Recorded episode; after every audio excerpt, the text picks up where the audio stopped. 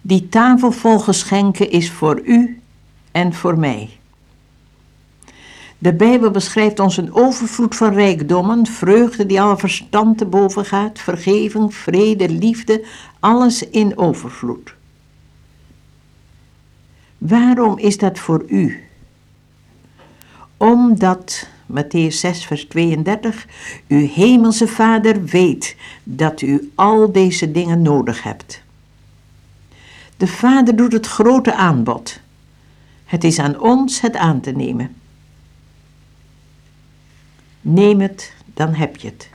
De gaven van God worden ons niet opgedrongen. Die moet men met vreugd en dankbaarheid willen ontvangen. Gods liefde dringt ons niets op, forceert niet en kan wachten dat wij de hand uitstrekken die Hij vullen wil. We moeten oppassen dat we de Bijbelse beloften niet alleen maar bewonderen. Dan is het net als dat je een mooie etalage ziet van een winkel waar je niet naar binnen gaat, want je bent niet van plan de prijs te betalen. Voor de tafel van rijkdommen moet een prijs betaald worden. Hier zien we dat van onze kant niet een streven, strijden, proberen is, maar een overgave. De Heer wil ons klaarmaken voor Zijn wederkomst.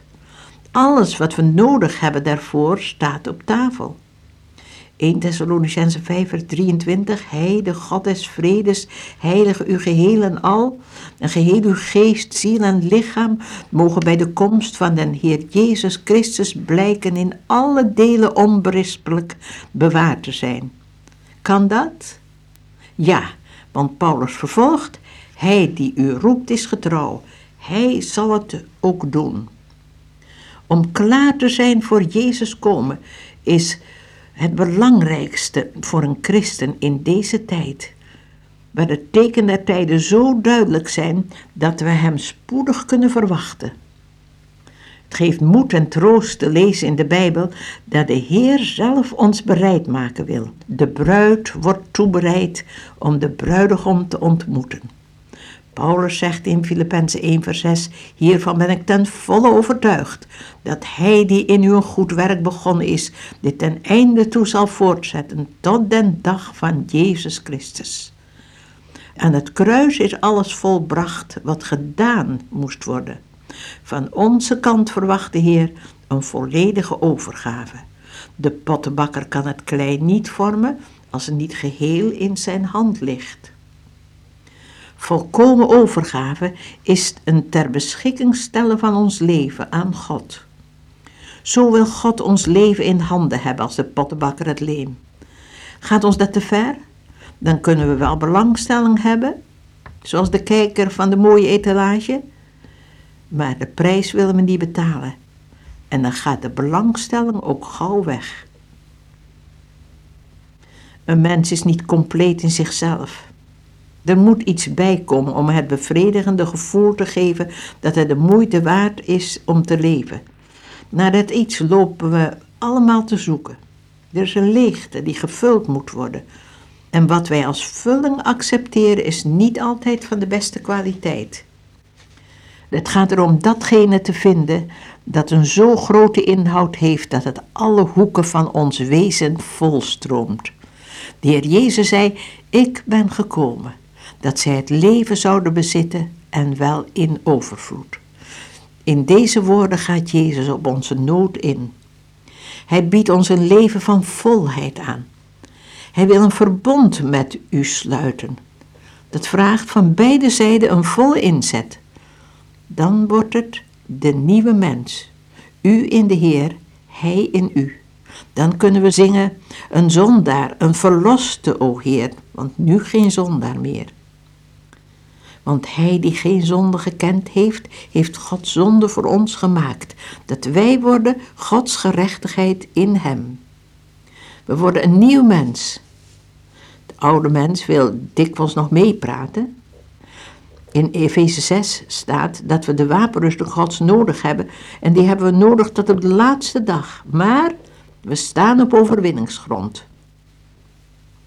Topt u over uw zonde? We moeten onderscheiden wie ons onze zonde laat zien. De duivel is een aanklager van de kinderen Gods. Hij heeft een fulltime job, dag en nacht verwijt hij ons. Dan zegt de aanklager als hij de kans heeft: Voor jou is er geen hoop, je bent niet goed genoeg. Als de Heilige Geest ons onze zonde laat zien, is het altijd in het licht van het volbrachte werk aan het kruis. Hij zegt ons dan: Voor die zonde die jij nu zo zwaar voelt, daar stierf Jezus voor aan het kruis. De profeet Jezaja zei al, om onze overtredingen werd hij doorboord, om onze ongerechtigheden verbrijzeld. De straf die ons de vrede aanbrengt, was op hem. Lees eens Romeinen 8, vers 31 tot 34. Daar is een tafel van geschenken beschreven voor een kind van God, die topt over zijn zonde. Wat is eigenlijk overgave? We weten dat een compromis kan niet.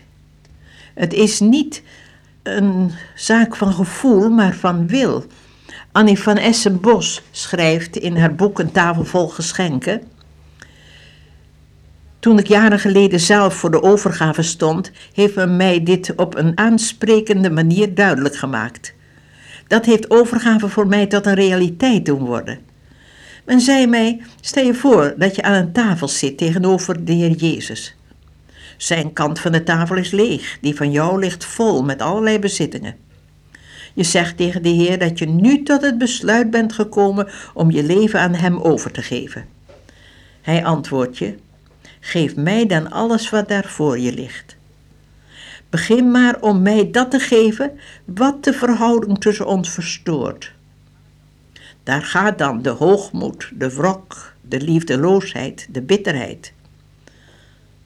Dan volgen de zorgen. Daar is meestal ook een rijke sortering van. Stuk voor stuk schuif ik die naar de overkant.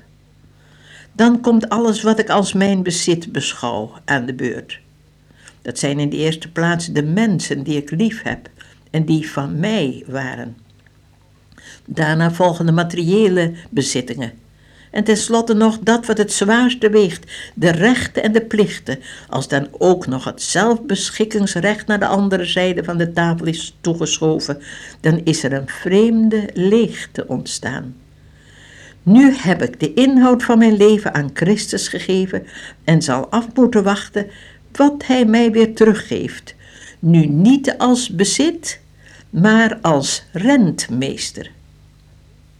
Aan deze tafel moet ik telkens weer terugkeren als ik wederrechtelijk mijn levensinhoud als bezit beschouw. Als kinderen zeiden we: eenmaal gegeven blijft gegeven. En dat vergeten we wel eens. Zo komt overgave uit de gevoelsfeer in de actualiteit van het dagelijks leven.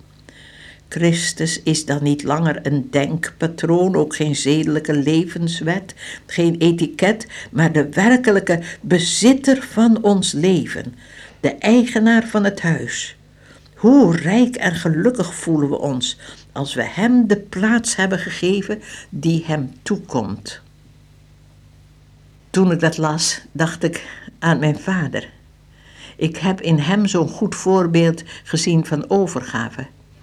Hij zei wel eens: Mijn naam staat op mijn horlogewinkel, maar eigenlijk moest Gods naam op mijn winkel staan, want ik ben een horlogemaker bij de gratie Gods. Hij wist wat overgave betekende en hoe wij rentmeester zijn kunnen. Laten we bidden. Heer, wilt u onszelf klaarmaken voor uw komst? Ik geef mij helemaal aan u opdat u, die in mij een goed werk begonnen bent, het ook ten einde toe kunt voortzetten, tot de dag van Jezus Christus. Halleluja. Amen.